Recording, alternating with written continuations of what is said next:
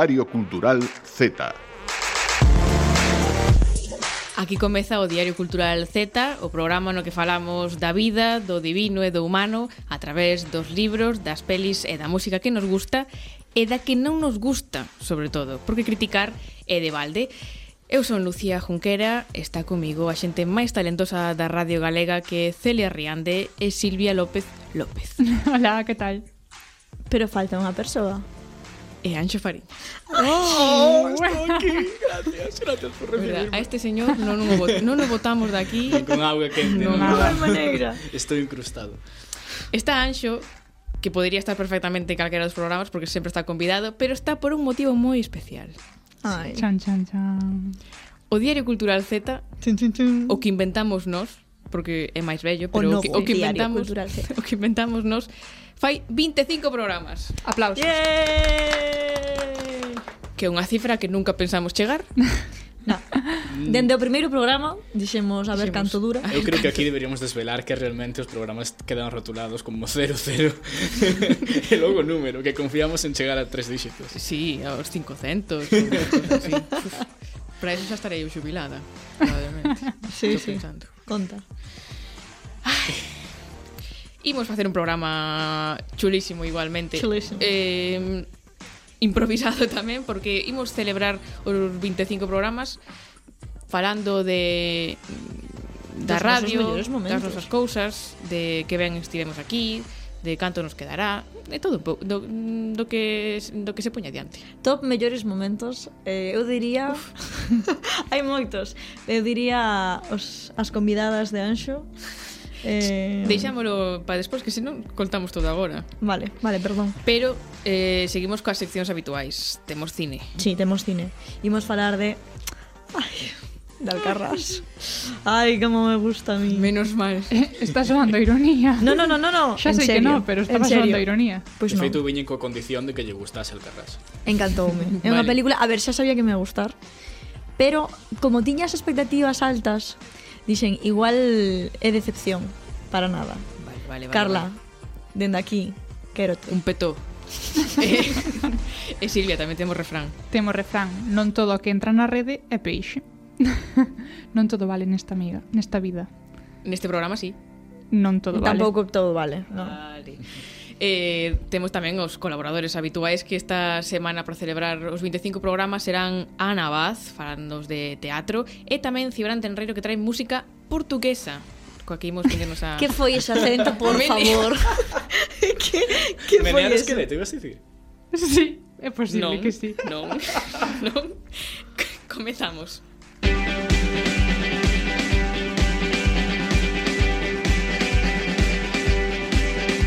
Que no pase un día sin que des tu opinión de mierda.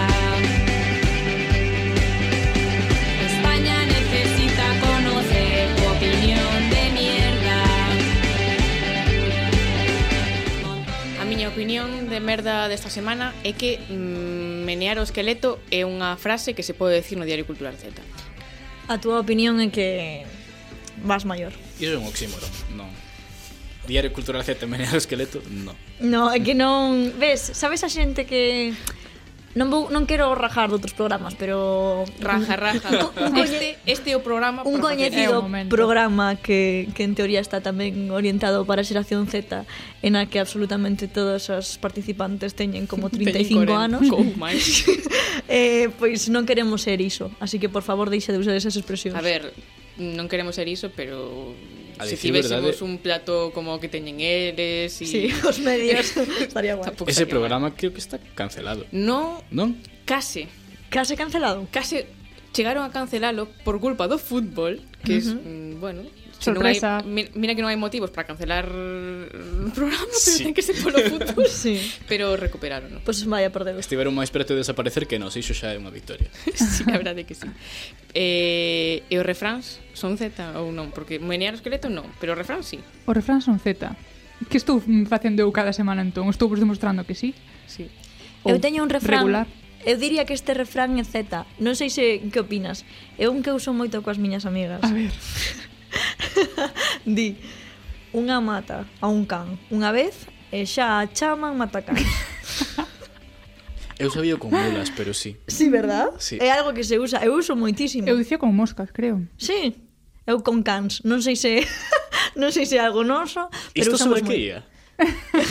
eh, eu convideivos aquí ao, ao meu espazo de reflexión para falar dos 25 programas de se será o último, de que virá despois. Todo o que cambiou, Brais Romero, o Valeiro. descanse en paz. Muller. A ver, marchou Brais. Brais. aquí. O primeiro marchar foi Antonio, que sí. aquí dixo, uf, isto Antoniño dixo, aí vos queda. Con este plan que, Pero me traedes. Están nosos corazóns.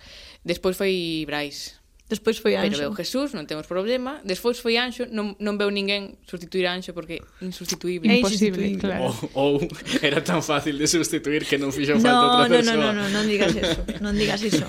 Xa Ten que volver que no. Anxo unha vez homes para sustituirse a mesmo. Claro. É que, ou para claro. facer que aínda fago algo. E que estamos facendo cuestionarios en Anxo Eh... Fixeste yo a, a Nico que a verdad teria me gustado ter feito ese Foi un placer pois, amigo, entrevistar a, a Tarde Nico. Piache, non marcharas, non marcharas. podes facer no teu novo traballo que non, non imos falar aquí diso, pero podes facer cuestionarios eh, mamarrachos. No, no, é que claro, é que claro. No, no. A que custo? Adoraría, adoraría, eh, pero... Me imagino a Anxo preguntándolle a xente da súa oficina. Mira, perdón. Mm, Con que banda sonora se me a túa primeira vez? E Anxo, aí te la porta.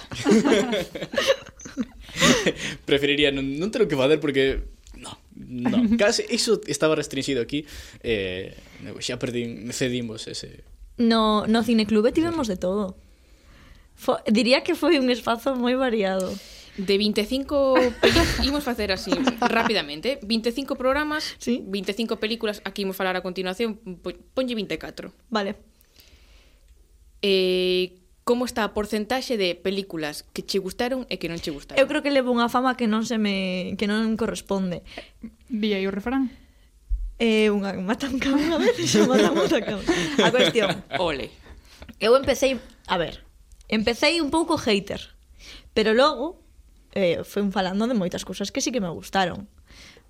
Non, tampouco teño unha memoria de ferro, pero sí que falamos de moitas pelis que me gustaran. A per... Eh, trouxen aquí en primicia a peor persoa do mundo, cando non a coñecía sí. ninguén, porque sí, eu fora a un festival sí. a vela, porque son así de intensa.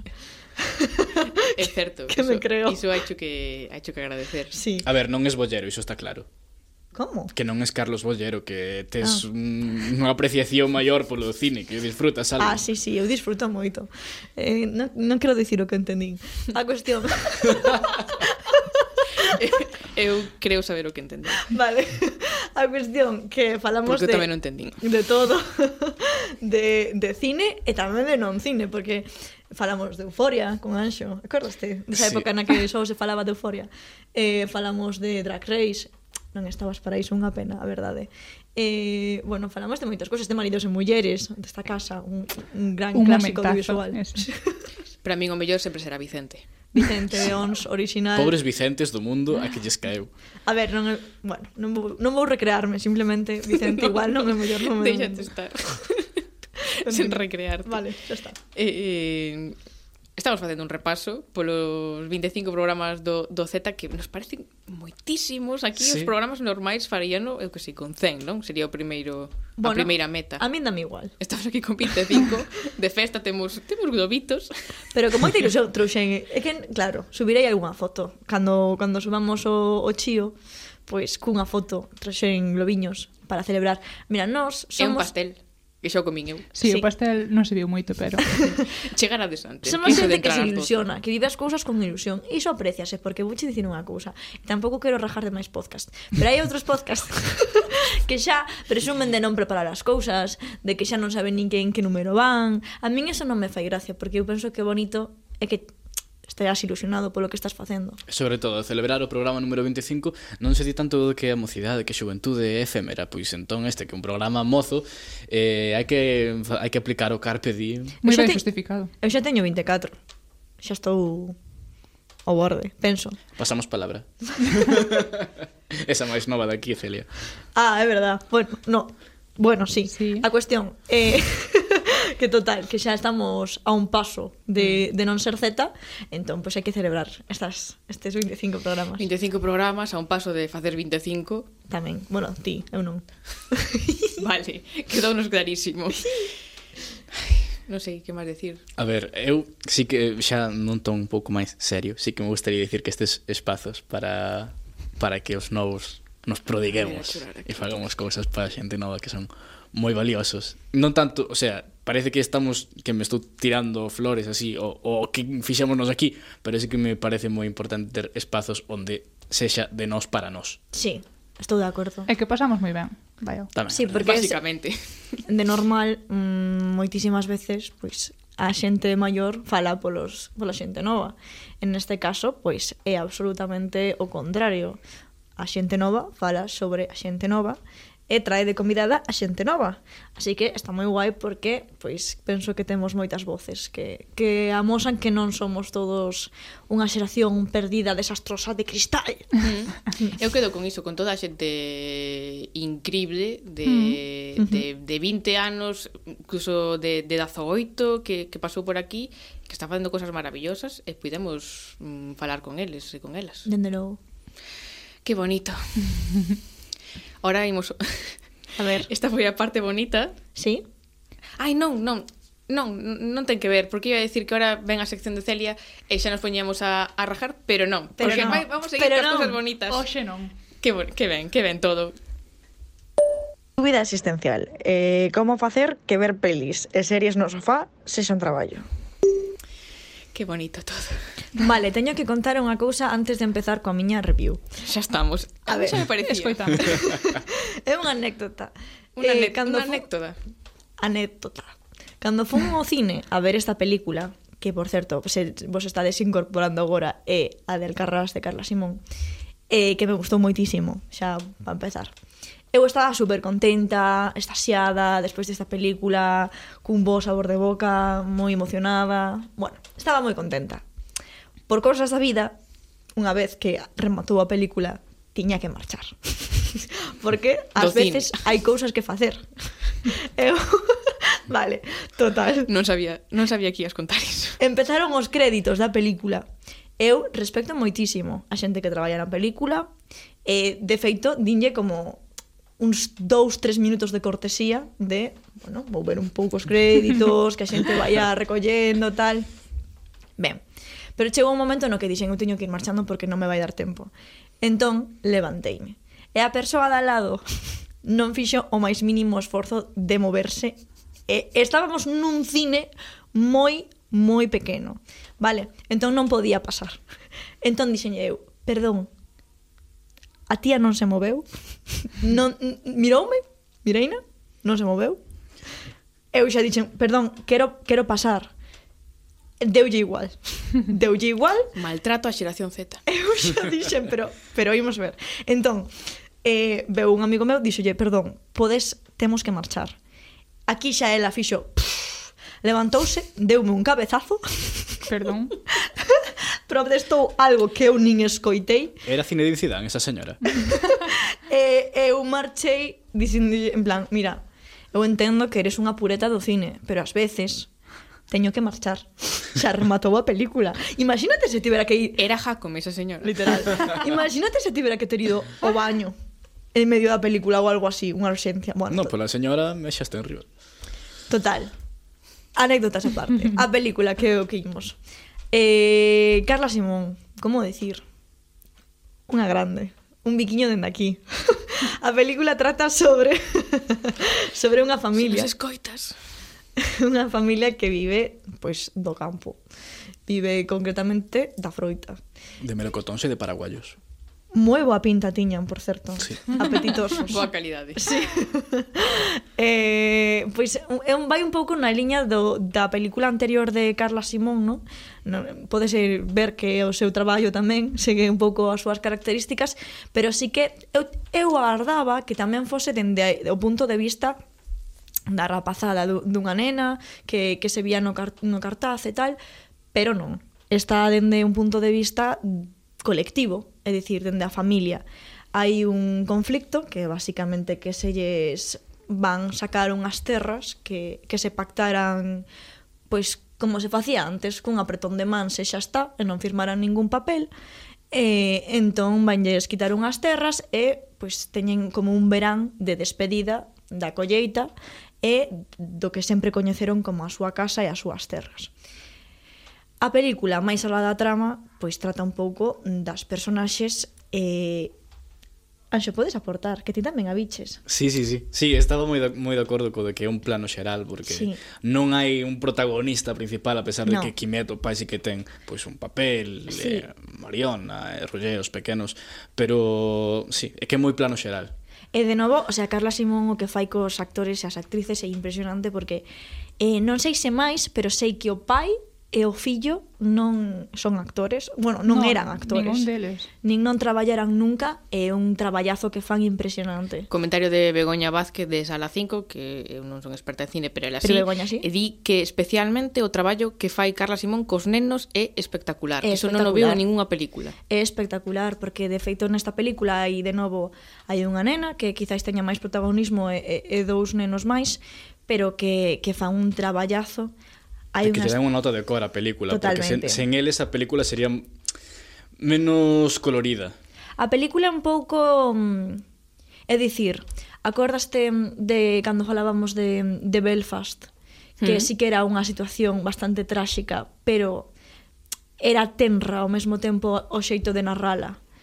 Pois a min pásame un pouco o mesmo con esta película, porque sí que é certo que a situación é tráxica, pero é tan bonita a historia que conta, é tan bonito como amosa a relación desa familia coa súa terra, a, os dramas que ten cada un, porque non é só esa trama, senón que tamén, pois, pois por outra parte está o fillo, non? Que, que non Bueno, que ten problemas que podemos ter todos. Sí, que... Albert Bosch. É que a mí o que me sí. parece moi interesante desta película é que moitas veces, e iso hai no, no, no, no cinema galego, cando mm, un director se achega a unha escena así rural, hai un pouco de mirada de zoolóxico. Sí, totalmente. Eh, sí. Isto... Mm, Ramón Varela, amigo meu Dixit, que comentou por, por ese Ágora Pública que é Twitter, eh, que é algo que é moi bo que non teña esta película, sí, que, pare, que é real, non sí. hai licencias así extrañas que digas, pois temos que conceder isto directora, non, é todo real, é algo que poderías ver e que poderías que che podería tocar vivir sin. Non é da, eh, Carla Simón non, non é de, dese lugar, non? Ou sí? Pens, penso que se non é, ten un relación con ese sitio. Sí que sei que vale, vale. a súa propia eh, familia, sí. eh unha familia que ten ese problema co sí. co, vale, vale, co vale. campo e tal. E de feito creo que ella presentou a xente da lá, en plan a primeira, bueno, despois de presentar en festivais a primeira proxección. A cuestión Eh, hai, a min interésame moito tamén nas personaxes, bueno, aparte do, do avó, que é unha personaxe tenrísima. Que fala pouquísimo en toda a película, pero só co xesto, que é un xesto que sí, nunca está relaxado, di sí. moitísimo. Fai no xenial, sí. O pai fai no tamén, fai un traballazo, xa dixen, pero interésame sobre todo máis que as nenas, que quizáis eh, na outra película teñan máis protagonismo, interésame as personaxes que están, senón na adolescencia, na puberdade, que son os dous fillos, a filla e o fillo, Mariona Rullé. Sí, que Mariona pois está nun momento no que no que xa non é unha nena, pero tampouco é adulta e vive un pouco esta situación e, e amosase a súa relación coa familia, coa terra, o seu descontento con coas, coas problemas que hai na familia e, e sobre todo tamén o, o fillo que, que non destaca nos estudos e tampouco creo que quere facer eh, porque o fillo o pai sempre lle está insistindo en que, en que ten que estudar, que, que, que ten que destacar vago. na clase sí. e non no campo. Es, sin embargo, no, no campo é un rapaz que, que está bastante... Que se desenvolve moi ben. Sí, que se desenvolve ben, que se lle dá ben, que lle gusta, e non se lle valora, e, e vese moi ben ese, esa relación que ten problemática e a visión que teñen tamén os pais, non? Que quizáis diga, pois, se, se, eu vou quedar sen terra que futuro vas ter ti no campo. Eh, tamén é moi interesante que meten, porque claro, eles van quedar sen terras para poñer placas solares. Eh, que é moi moi interesante. O que aquí traduciríamos por eh, aeroxeradores. Sí, totalmente. Que é moi interesante que, que metan ese componente eh, que para eles é algo como absolutamente extraterrestre e que, e que finalmente o que causa esa escisión na familia que, que un pouco a trama da película mm. o final non o vou dicir é un final obvio, tráxico, obvio. E no que eh, o xesto de a cara de, de Rullé é a máis descritiva do, do fillo maior. É, é un final precioso. Xesto de, de rabia, de sí, tristura, de, de impotencia. Sí, é un final que era o que tiña que ser, magnífico.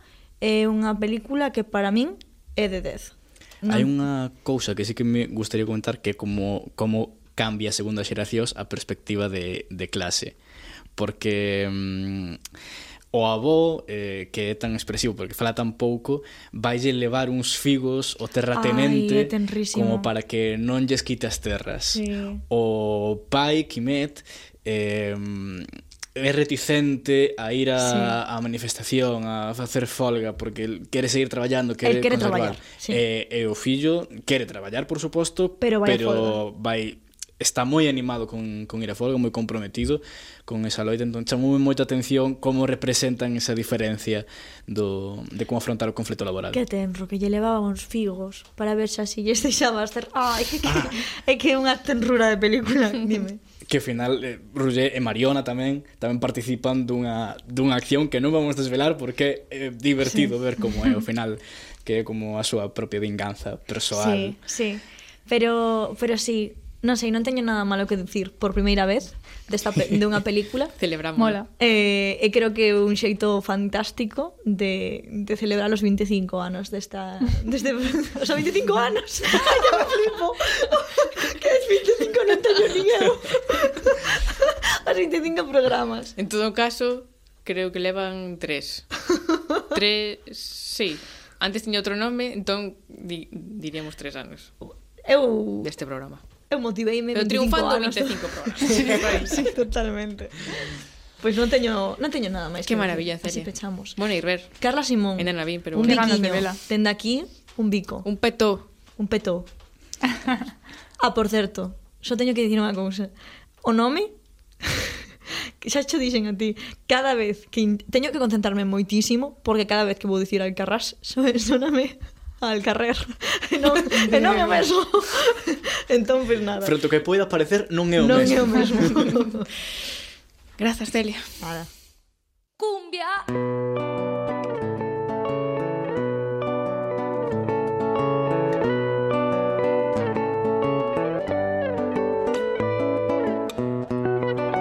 Tempo para as artes escénicas. No Diario Cultural Z saudamos xa a Ana Vaz. Que tal, Ana? Como estás? Hola Lucía, todo ben? Ti que tal? Moi ben, moi ben. Oxe descubrimos máis compañías novas, pero isto anda a medias, non? Entre unha persoa que é nova, pero que xa coñecemos un pouco no Z.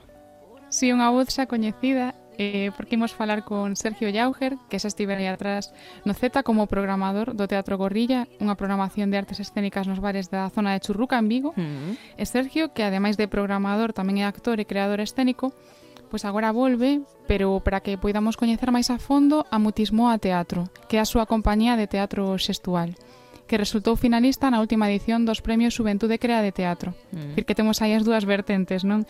A, a de programador e a, sí. de, a de actor creador. Tamén ben curioso. Sí, e, Imutismo a Teatro foi fundado o ano pasado por Sergio e eh, por Carlota Rosón. Para a creación desa peza eh, o Romeo e Julieta un ensaio sobre a frustración que é coa que resultaron finalistas no Juventude Crea, como dicíamos e logo uniuse a eles a actriz malagueña Marta Velázquez.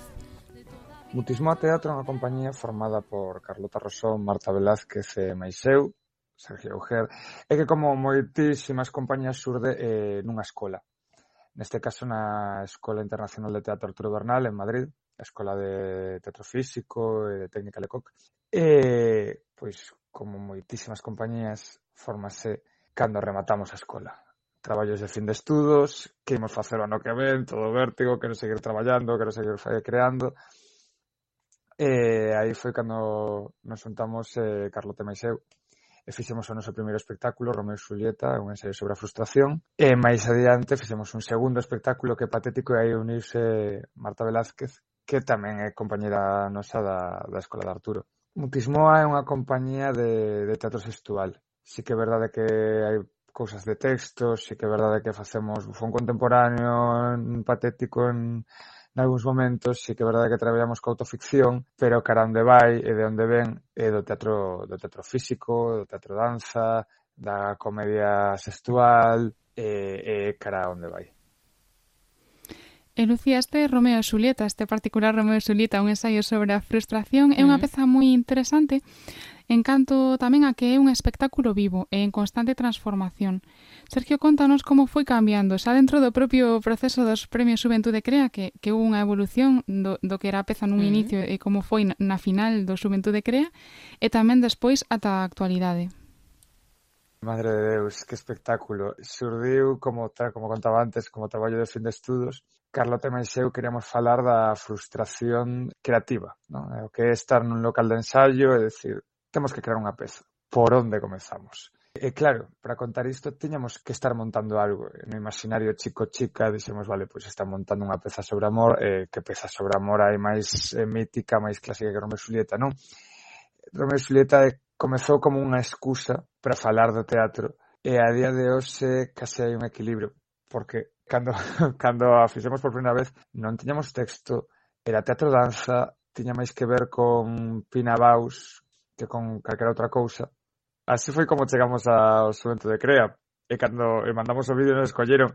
E cando chegamos ali de repente comezaba con comedia del arte eh, co, metíamos gags físicos sabía outra cousa. Xa tiñamos moitísimo texto e hoxe en día converteuse non nunha comedia romántica nunha comedia romántica física na que hai danza hai loita escénica e un montón de cousas que que no comezo non había e que sigue nun, nun continuo cambio. Ainda non está tan asustada como nos gustaría, pero cada vez máis e estamos en xira con ela e, e que invitamos ao público que veña varias veces porque creo que de como comezou na primeira función a agora é super distinta e nuns meses creo que seguirá sendo super distinta, pero é un espectáculo maravilloso que adoro, que quero un montón.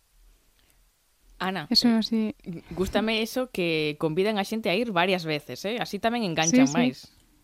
Sí, engancha máis e ademais, creo que tamén é un pouco a máxia non das artes escénicas, que, que os espectáculos están vivos e que cada uh -huh. vez que os vas ver, pois incluso empezas no, o mellor que non teñen tantos cambios como, como este Romeo e Julieta, non? Pois sempre podes ver cousas diferentes, ter sensacións diferentes porque nunca é igual unha función a outra, non? Claro.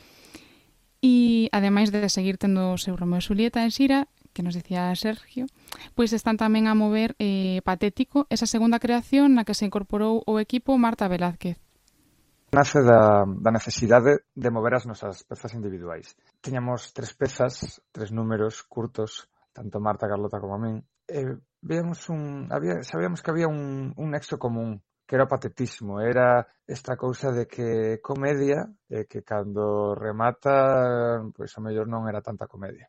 No caso de Carlota, que quen comeza a obra, eh, a súa peza chamase Tente quere farache chorar, é unha peza que fala sobre a dependencia emocional e bufón contemporáneo e contache unha cousa que creo que case todas pasamos, non? Eh, dende un punto con, con danza, con bufón, como moi cerdo todo, como moi moi patético, non? A propia obra o di. Logo está Karaoke, que a miña peza, que fala do alcoholismo, da soidade, tamén da dependencia emocional un pouco, un actor nun karaoke, non, que, que conta as súas miserias e que ten medo a iso, a ser patético. E logo está a Marta, que tamén é, como a min, fai autoficción un pouco, e fala de, dela como actriz, de que sabe facer un montón de cousas, pero en realidad todas se lles da, se lle dá mal, e en realidad ninguna daselle mal, e, é moi patética tamén, non? No, no seu número. Quizáis ela é máis clown co resto, e cando xuntamos as tres pezas, fixemos catro transicións, eh, pusemos toda a escenografía xunta e funcionaba, era unha maravilla, non? De repente puf, se abría a escena e era como de, ostras, temos un espectáculo dunha hora con isto, é eh, genial. Sí, Lucía, isto non... Seguindo un pouco que decías antes, non? De, de enganchar e de, e de facer algo que que poida facer que o público pois eh, queira seguir vendoa, pois sí. aquí eh, en Patético tamén o sito en que concibiron e abordaron a peza, como nos dicía el, facilita que a poidan mostrar como unha peza única dunha hora de duración ou que poidan mostrar os tres números soltos. Entón, pois isto lles permite unha maior versatilidade e máis oportunidades tamén para cada un de mover e amosar o seu traballo. Mm, Adaptarse a todo. Sí, sí, sí, sí. Eh, é moi interesante tamén por iso, porque podes ver a, podes ver a peza completa, podes ver a solta, podes ver a nun espazo, podes ver a noutro e como se van como adaptando, non? Mm. E Isto tamén é, é moi interesante. E despois outra cousa que, que tamén ten muitismo a teatro é que se sitúa e se move entre Galicia e Madrid, o igual que outras compañías que xa pasaron polo Z, como Trémola Teatro ou Tricotri Teatro, sí.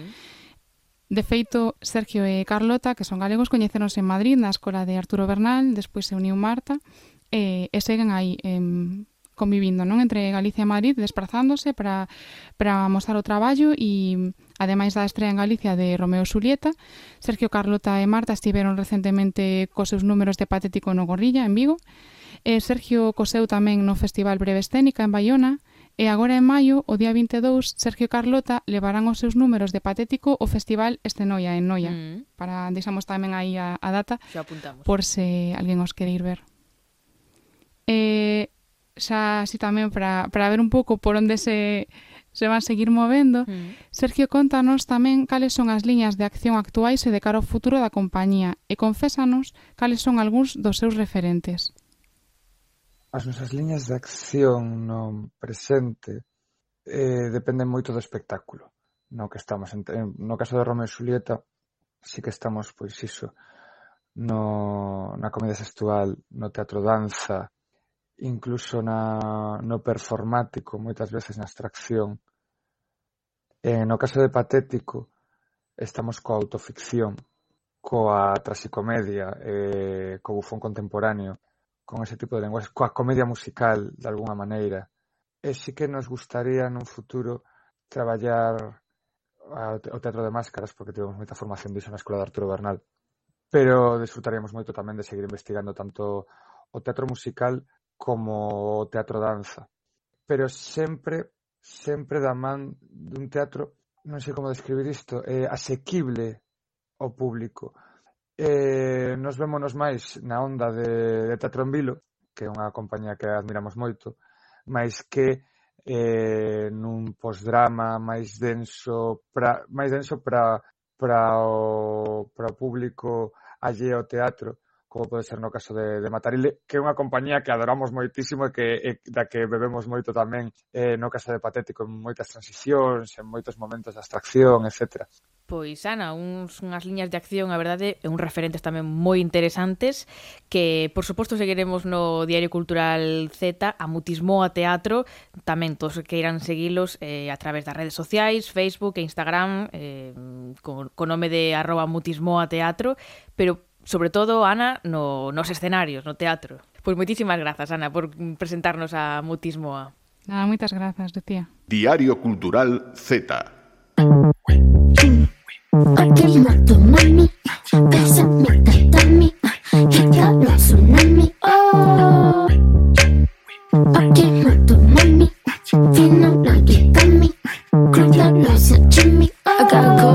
I. Celia Riande, Silvia López López. Moi ben. Que tal? Moi bons días.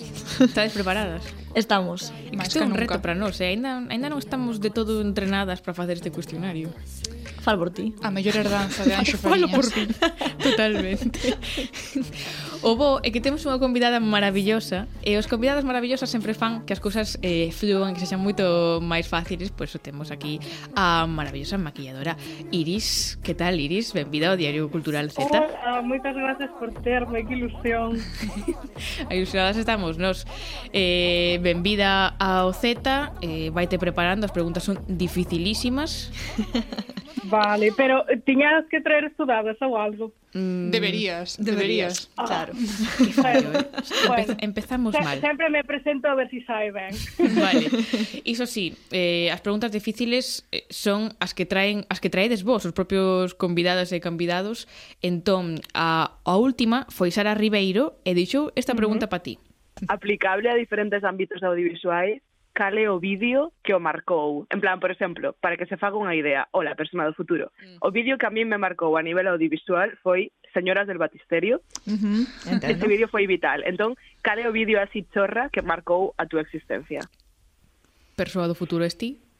Mm, non sei se considerarlo un vídeo chorra porque non o é, pero é a, a película de un chan, un chan andalú que fixeran con Dalí ou algo así, non sei, eu recordo sí, sí, vela en en cuarto da ESO e de feito recordo que mm, tuvera un ataque de ansiedade vendo, Ai, vendo ESO eh, sí, sí, e tuvera que salir de clase de feito foi como unha das cousas que me tuven que enfrontar máis adiante, non? Dixen, vale, vou a volver a ver isto, porque é unha tontería que me deu un ataque de ansiedade vendo isto. Mi madre, Ai, miña, pero...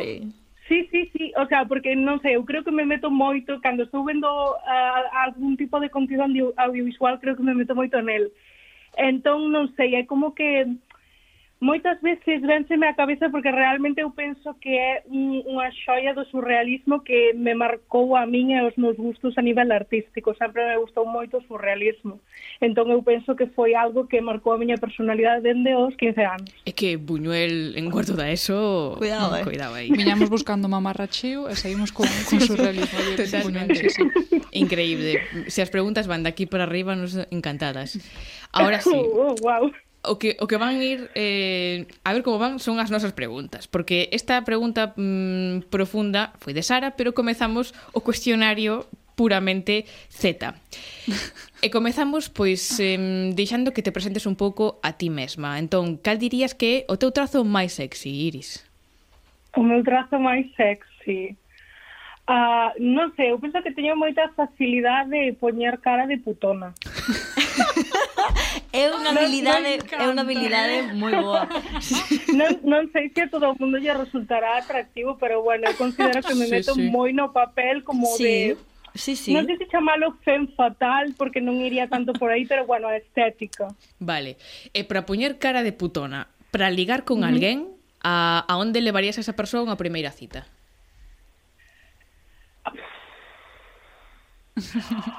Home, a ver, E que eu, as miñas caras de putona reservas principalmente para as redes sociais porque é onde quero dar como un pouco máis a fantasía, non? Por Tinder. Se eu fose ter unha cita, eh, realmente eu faría algo máis mm, non sei, porque a miña personalidade eu penso que a divido en dous niveis, non?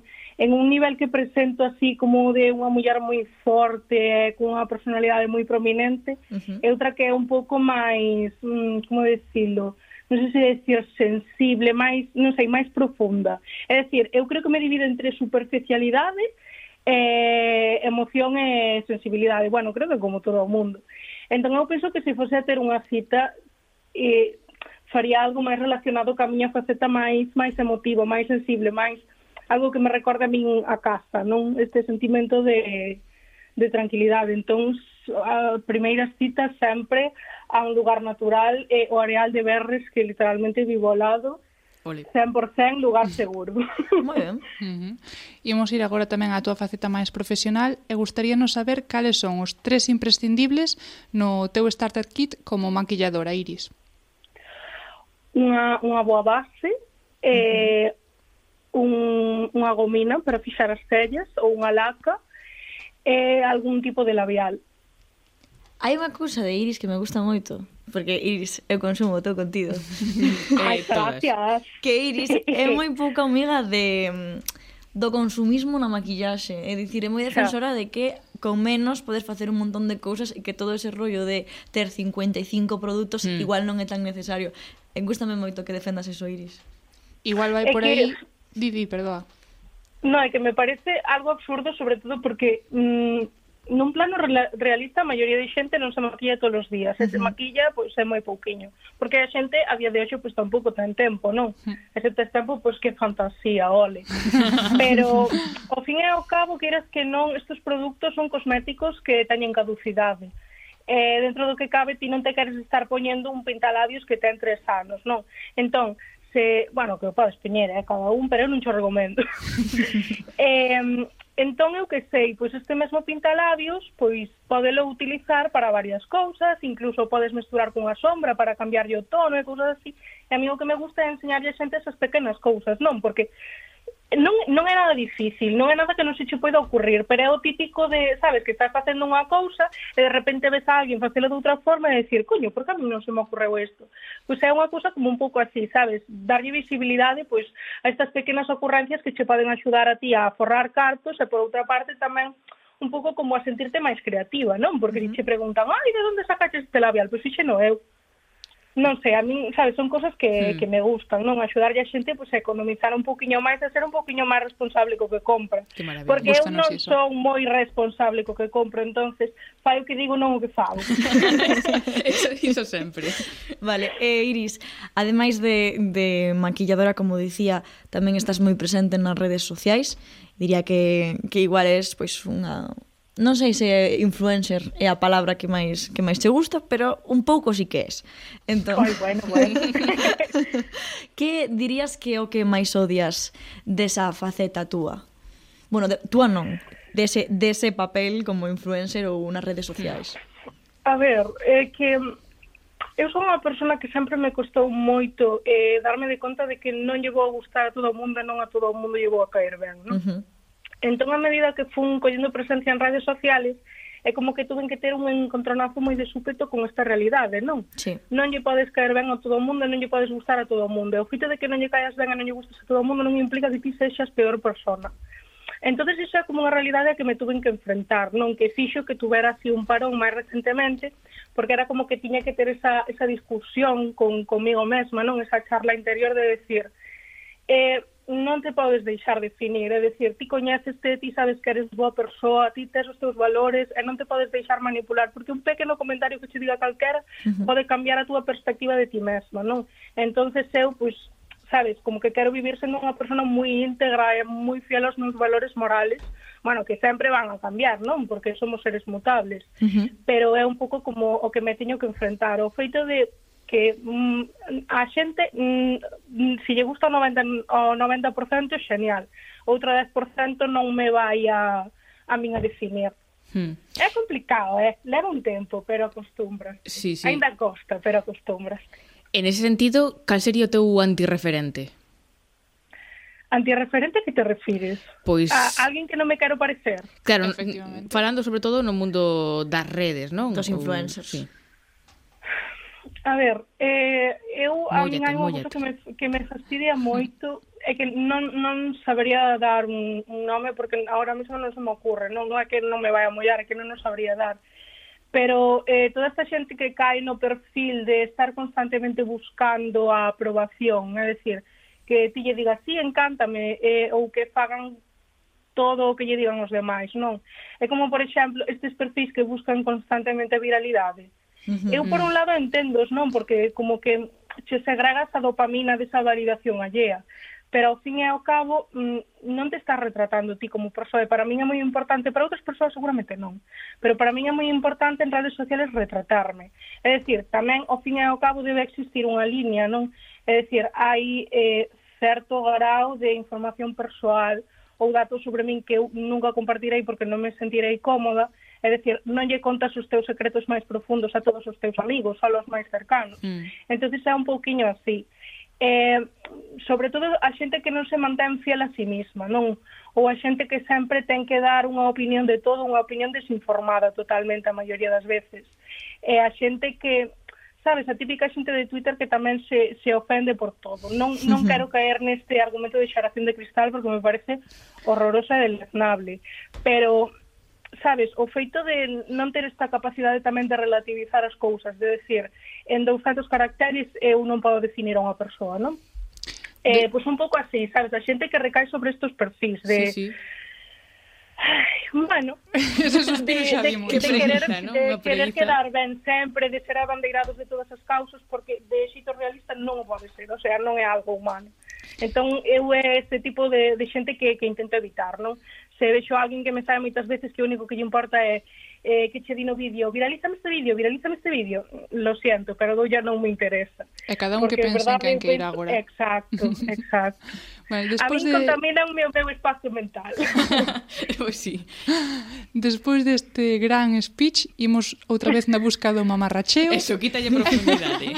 eso, eso. E queremos saber cal foi o maior ridículo que cometiches na tua vida. ningún. Home ah, eh, non teño ni idea. Ahora non se me ocurre. Ridículos fijo que moito. O que pasa é que eu é como que me gusta quitarlle ferro ao asunto.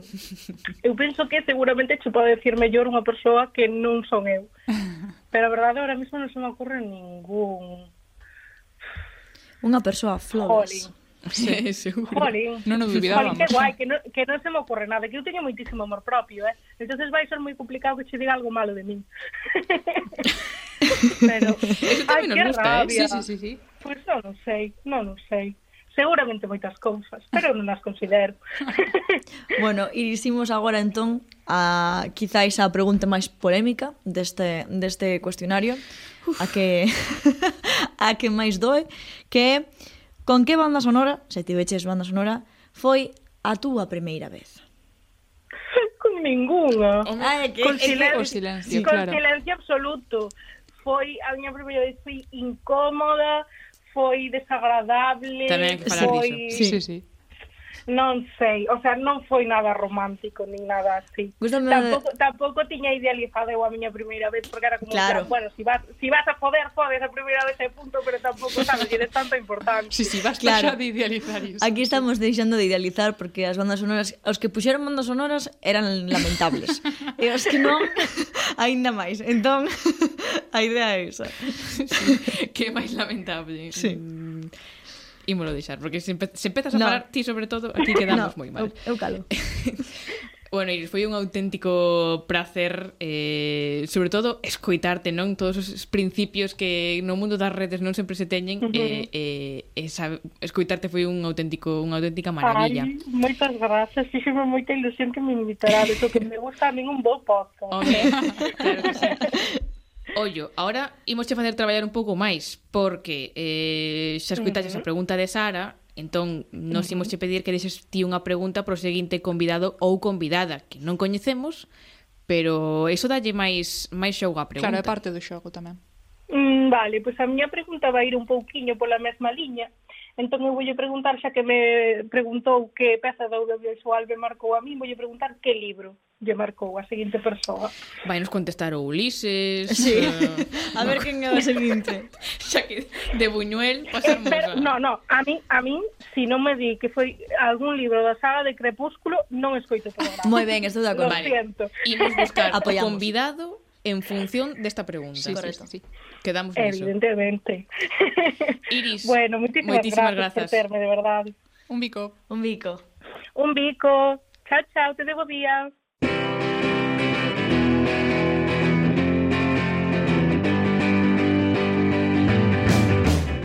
A ver, vos, que vos credes moi modernos. Iso xa o dicían os vosos avós hai 60 anos. Hola, Silvia. Que tal? Sabes que eu fun pescar unha vez na miña vida? E pescaches algo? Pesquei unha troita. Sí. Pero era era trampa. Por que? era un sitio no que tiñan como as troitas previamente eh, afamadas, sabes? Que levaban como unha semana sen darlles de comer. Entón ti botaba la caña. Pero que sitio era ese? Bota... e claro, tiñan tanta fame que eso, esas troitas picaban sí ou sí. Sí, é que saltaban, saltaban da auga, digo eu. Non sei a que sitio fuches, non sei iso quero saber. Aí queda, non? unhas xornadas de pesca en Valdodura, Pescadura, que eran así, para que levases a ilusión de que, de que pescaras algo. É un arte para que fai falta moita paciencia. Si, sí, eu non teño diso. Eu tampouco teño diso. bueno, toda esta introdución ten un sentido. Normalmente teno, eh, logo xa hai días que non. Eu Pero neste pode caso ser que sí. non.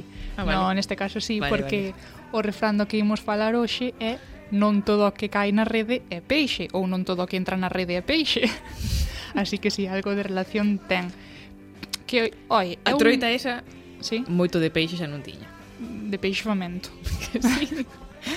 é eh, un refrán este que tanto vale mm, en afirmativo como en negativo. É dicir, segundo a ti che conveña, podes decir isto de non todo a que entra na rede é peixe ou todo a que entra na rede é peixe, como a que en Ah, todo me vale, todo me sirve, agárrame a calquera cousa. Vale. Vale. Mm, en que en, en que punto estamos? Claro. Quero decir, en que contexto utilizarías ti máis? Es máis de eu que non. Aproveitar todo o que veña ou de dicir, "No, no, non todo vale." Ai.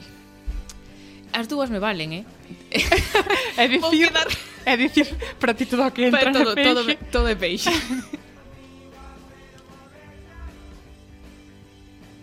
se non fore de non ser que non fora Jalo de río, peix de curral se non dare de non der que non modera Crista mollada, raspa seca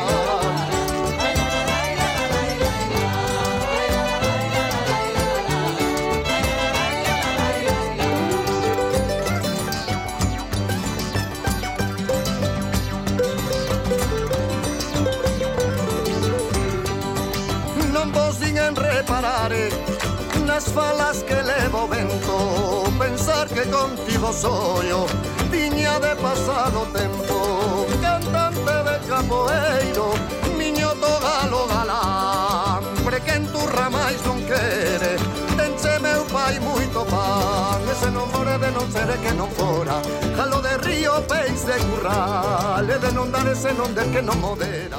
Esta canción gustame moito a min, Peixe de Xisco Feijo. gustame, pero neste caso el, non lle debe valer todo. na rede. Mm, pero que non todo vale, non todo é peixe. Se te fixas un pouco na letra aí. Aquí poderíamos falar tamén do marisco de cortello. Por qué? Porque é marisco, pero non é peixe. Ui, iso xa vai a outra dimensión aquí, non? Pensas es... o que é o marisco de cortello? Sí, claro. Dicimos que é marisco, pero non é peixe. Bueno, eh, non pode valer. algo aí de cortello, eh? Pode valer, sí, sí, sí, pode. Pareceu. Pode valer. Eh, cando estaba pensando neste refrán, Vivi. Ofertas hipershell.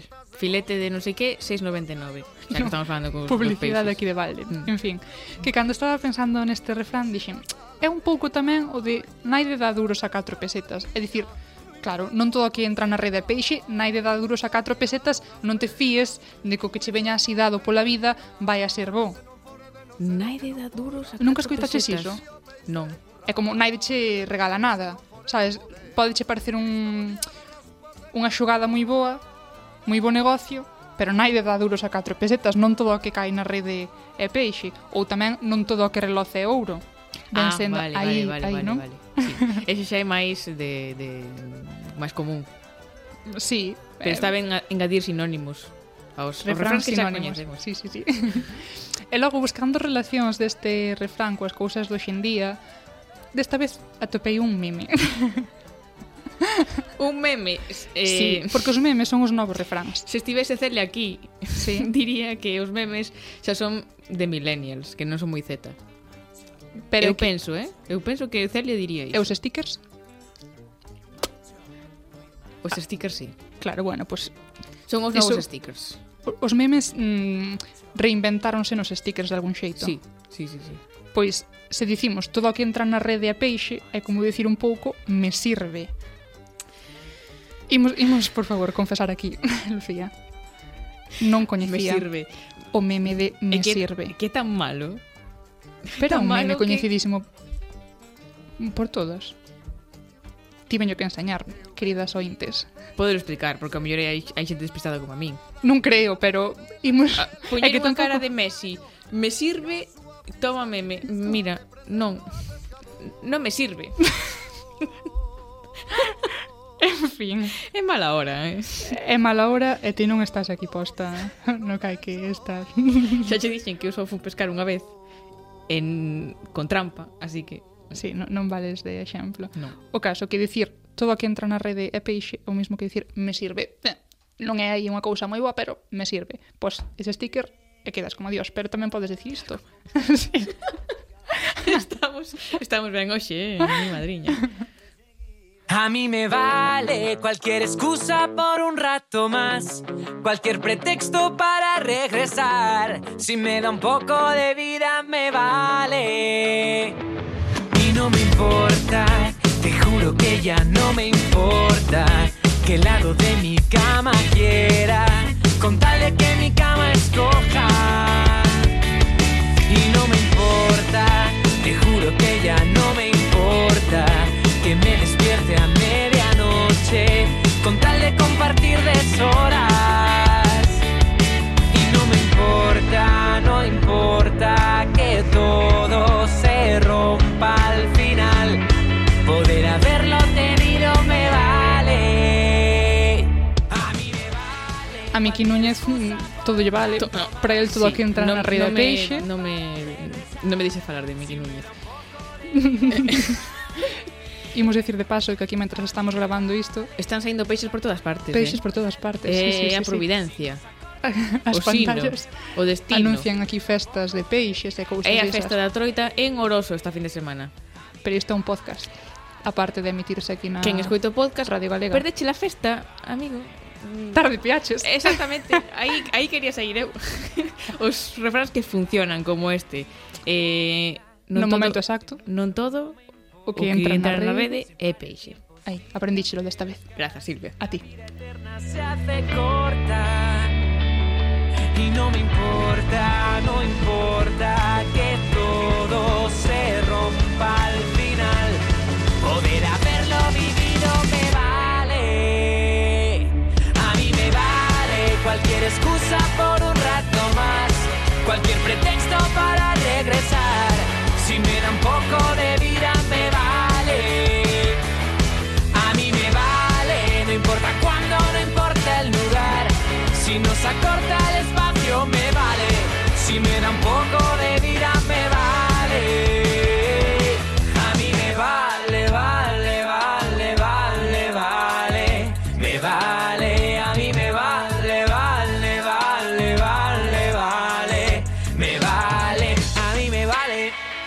excusa por un rato más. Cualquier pretexto para regresar. Si me da un poco de vida, me vale. Diario Cultural Z.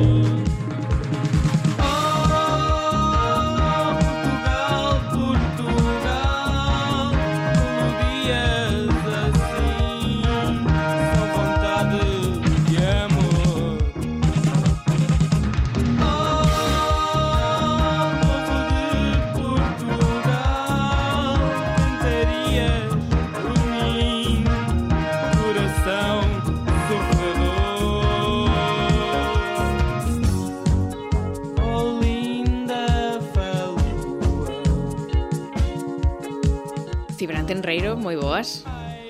Hola, Lucía, moi boas. Non sei por que hoxe deduzo que nos ves falar de Portugal. Sí, puxen ese estribillo que era bastante claro ao respecto. Veño falar de Portugal máis ou menos. Non? Eu creo que sempre está ben falar de Portugal porque sabemos deles pois moito menos do que deberíamos estando tan preto. Non sei que opinas ti de Portugal. Eu opino o, o que dicían aqueles sabios, non de que menos mal que nos queda Portugal. Un bo sitio para escapar. eh, Bueno, eh, sí, esperemos non ter que votar man diso, pero bueno, eh, da música portuguesa, que opinas? Tes algunha canción, algún artista así favorita? Mira, a miña referencia portuguesa é Amalia Rodríguez, que son moi clásica, eh? aquí parece que non, pero no, no Z tamén somos moi clásicos. E a canción esta de unha casa portuguesa, referencia total. Pois bueno, a ver, eu tamén teño a parte clásica, a Maya Rodríguez a mí tamén me gusta, aínda que no meu caso creo que as músicas de Portugal que máis teño escoitado son eh, Xosé Afonso, que tamén é outro dos grandes clásicos, mm. e Pega Monstro, que igual son un clásico contemporáneo, se si queremos chamado así, así que como estamos no Diario Cultural Z, imos escoitar algo delas que se achega un pouco máis ao noso target.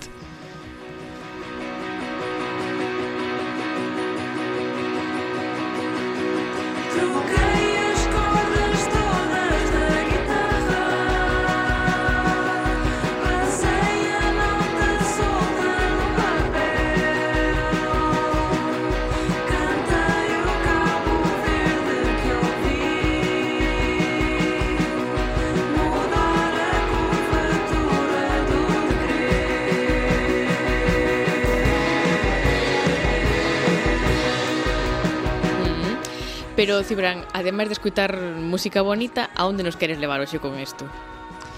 É que non o teño moi claro porque eh, vale, eh, eso vale. xa dixen.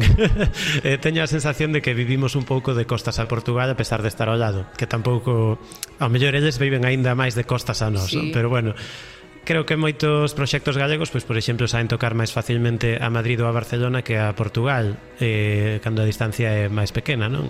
E que non sempre estamos ao tanto do que están facendo por allo.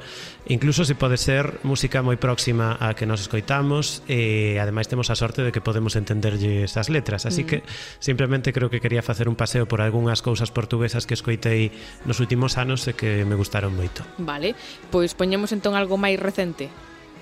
Pois veña, imos poñer o máis recente de todo o que escoitei. Passo noites no café e nunca lá por ti nada. Não fico lá para ver quando é que o resto vai para casa. E o fumo não para quando chega a dor de cabeça. Vou buscar o meu casaco antes que me aborreça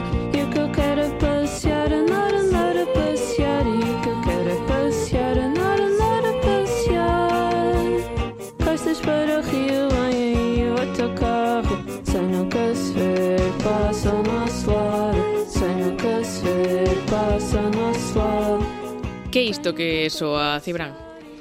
Isto é Autocarro, que é unha canción de M e Moxilla, eh, dous artistas que publicaron un disco conxunto hai agora un mes e medio. Eh, este disco saiu con Cafetra Records, que é un colectivo de artistas que está baseado en Lisboa, aínda que Moxilla penso que é de Braga. En este colectivo publican unha chea de bandas e artistas portuguesas que me gustan moito. Eu penso que descubrín a, a Pega Monstro cando viñeran a actuar a Santiago hai uns anos e elas eh, forman parte deste colectivo, non? E servironme para ir chegando a outra xente relacionada porque dentro desta escena o que hai como unha chea de colaboracións. E, por exemplo, nun tema deste disco de M. Moxida, que se chama simplemente cos nomes deles, eh, fan coros eh, Sallín, María Reis, que era unha das dúas irmás que tocaban en Pegamonstro e ten xa varios álbumes en solitario tamén, E tocaba tamén, sae tamén este disco de Lourenço Crespo que con Leonardo Vindillati forma o dúo Iguanas.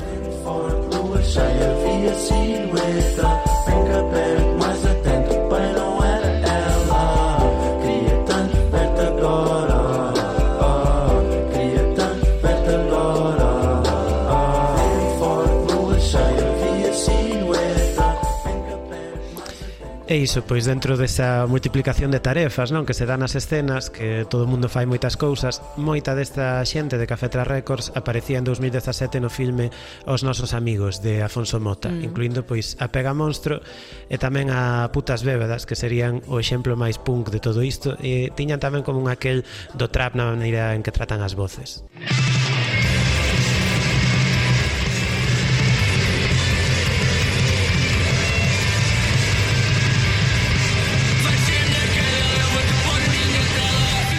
Pero aquí, en cuestión de segundos, pasamos de unha cousa aí super pastoral ou case pastoral ao extremo contrario. sí, claro, bueno, eu supoño que será Sin igual que aquí, non? Bueno, xa sabes que non aviso por... así a xente espabila se si, si están despistados no? eh, eu supoño que ao final pois igual que aquí en Portugal haberá de todo e dentro dese relativo descoñecemento, pois tamén me parece que hai bastantes casos ao longo dos anos de vínculos entre a nosa música e a deles. Non sei se a ti se te ocorre algún. Ocórreseme eh, esa amizade que teñen Salvador Sobral e Ave Rábade, por exemplo, que, que traballan moito xuntos, non? Nos directos, máis que, que en grabacións ou no estudio. Pois sí, non? E tamén hai pois eh, colaboracións a mellor pola vía de Bayuca ou pola vía mm. dos Bacadouras que estiveron aquí pouco con, con Kim Barreiros, non? Eh, eu antes tamén falaba de que a parte de Pegamonstro que máis teño escoitado é a Xosé Afonso e aquí en Galicia tamén pois a Asociación Xosé Afonso ten reivindicado moi a miúdo a, miúdo a súa figura. Eh, no Burgo das Nacións en Santiago hai un mural no que aparecen pois eh, Oseca Afonso e eh, Benedicto, e lembra un pouco así este vínculo entre a xeración da nova canción galega dos 70 e o, e o gran cantautor portugués, ¿no? que tamén se podía ver nunha canción como A Chuda da Póboa que gravaron con distintas letras tanto eh, Seca Afonso como Benedicto e era ao final unha música popular que se cantaba pois aos dous lados da Raya Miñota.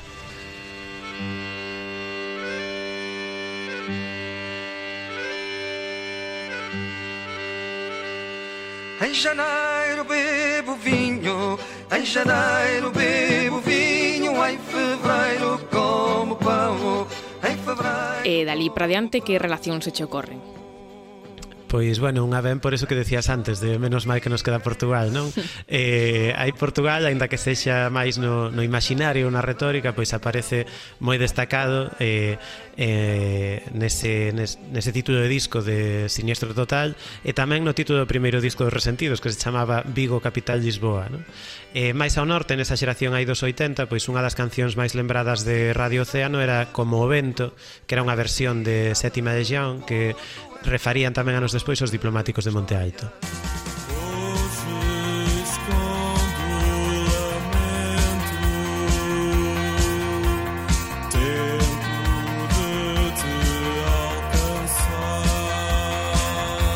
En esa xeración do, do Bravú houve tamén moita conexión con Portugal, non? Sí, Si, sí, a dos diplomáticos por esa vía pois, bueno, e habería outras, non, tamén a través da do atlantismo, se se quere. Eh, pero un dos exemplos máis claros creo que estaría na etapa na que desde o Xabarín Club convidaron a unha chea de proxectos portugueses a facer cancións para o programa e así apareceron pois cousas como O astro da bola e Despesiga, non? Algúnas cancións das Amarguiñas, eh, que tiñan aí un punto Riot Girl, eh, grupos así bastante míticos de Portugal, pois como Xutos e Pontapés, Rui Veloso ou Os gaiteiros de Lisboa, que é un tema que precisamente no seu ritmo eh, a chula gaiteira pois lembra un pouco a esa colaboración dos Bacaduras con Quim Barreiros no O de Portugal. Pero penso que non debemos quedarnos no Diario Cultural Z na nostalgia millennial do no, Xabarín no, no, no. que está moi trillada xa e ademais nos últimos anos ten habido máis xente que se esforzou por trazar vínculos co sur.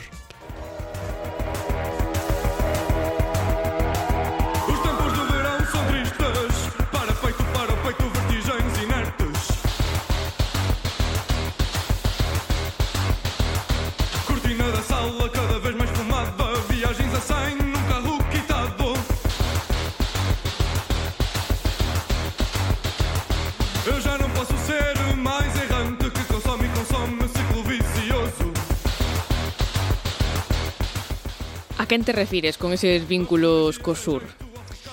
Pois, por un lado, refírome a xente como La Melona, non? A asociación selo discográfico que nos últimos anos ten programado, pois, creo que bastantes bandas portuguesas en moitos eventos e, por exemplo, no último Melona Fest hai agora unhas semanas puido verse a Conferencia Inferno, que é este grupo que sona Eh, e a Melona pois tamén participaron da creación de All Venues, que é unha plataforma online na que promotoras e locais de Galicia e do norte de Portugal colaboran non? para establecer un circuito e facilitar que se cruce máis a miúdo a raia por parte dos proxectos dun lado e do outro.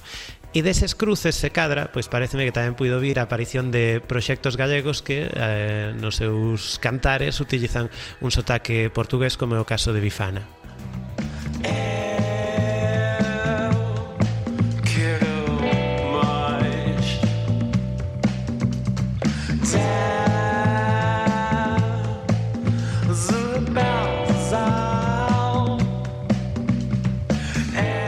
Entón, estamos falando dos vínculos que hai, pero Cibra non sei se hai algún proxecto do que non haxa vínculo aínda e que sí que o botas en falta. Bueno, pois penso que sí que habería, aínda que a mellor hai vínculos que eu descoñezo que tamén podería ser. Xa digo que eu son o primeiro que di que non sei moito de Portugal. O pouco que sei veño contado hoxe. Aínda así, como xa enredei moito, igual menciono che tres dos que penso que non hai vínculo, eh, sin dicirche casi nada deles e escoitámonos así moi rapidamente. Vale, cale o primeiro? Pois o primeiro é Conan Osiris, que cadra é o máis coñecido porque representou a Portugal en Eurovisión en 2019. Non é tan coñecido como Salvador Sobral, pero bueno. Eh, pode ter un aquel a Antonio Variasois, que é outro dos mitos da música portuguesa, mm. non, dos 80, ou a Rodrigo Cuevas, na maneira en que traballa un pouco con melodías, ritmos e cousas do imaginario tradicional, pero mesturando moito cun enfoque moderno. Amor, amor Os 15 e traz o lixo. Amor, amor, amor. Vou-te comprar um queixo. Para ver se eu te macho, macho Vou-te arrancar o sangacho Vou-te arrastar o tarracho O bicho mata E imos co segundo. Pois mira, outro que me gustou, outro proxecto que me gustou moito foi o de Sereia, que é unha artista de Lisboa que me pasou hai un tempo Xianarias, que era con uh -huh. quen viña falar aquí a Radio Gallega antes, eh, pasoume esta canción que se chama Hospital do Amor, que me parece moi boa, moi pegadiza.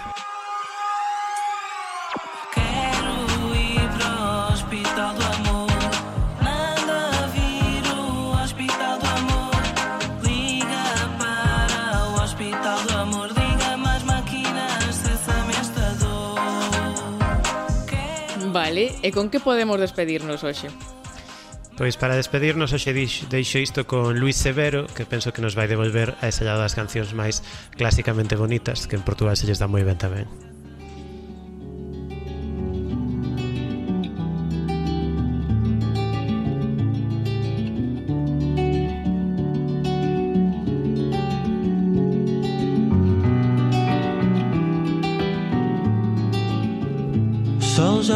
era teu cabelo. Si sí, que se lles dá ben, a verdade que sí. Así que pechamos dunha maneira fermosísima. Cibra, moitísimas grazas. Nada, grazas a vos e, e ata outra. E vemos en Portugal. Espero que sí, e aquí tamén. Aquí tamén. Urgentes como o dia que encerra Quisemos correr Fazer parte da terra.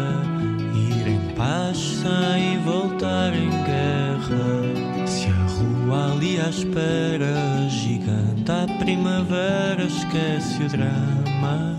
Que o fim da tarde nunca vai ser noite.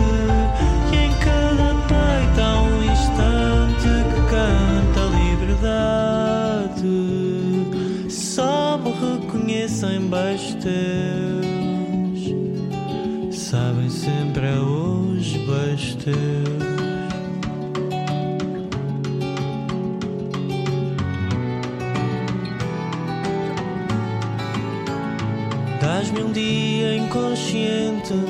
Devolves-me a noção.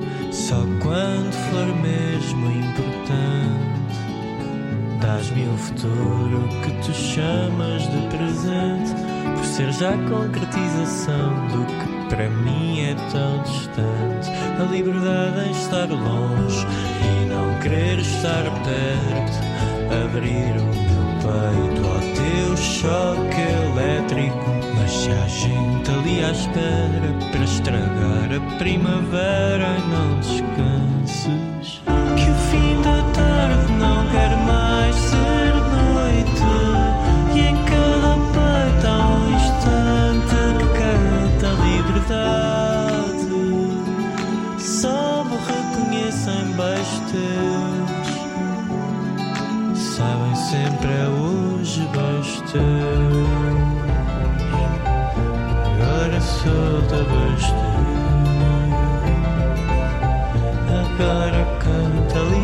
Liberdade. Só me reconhecem teus. Liberdade. Sabem sempre é hoje beijos teus.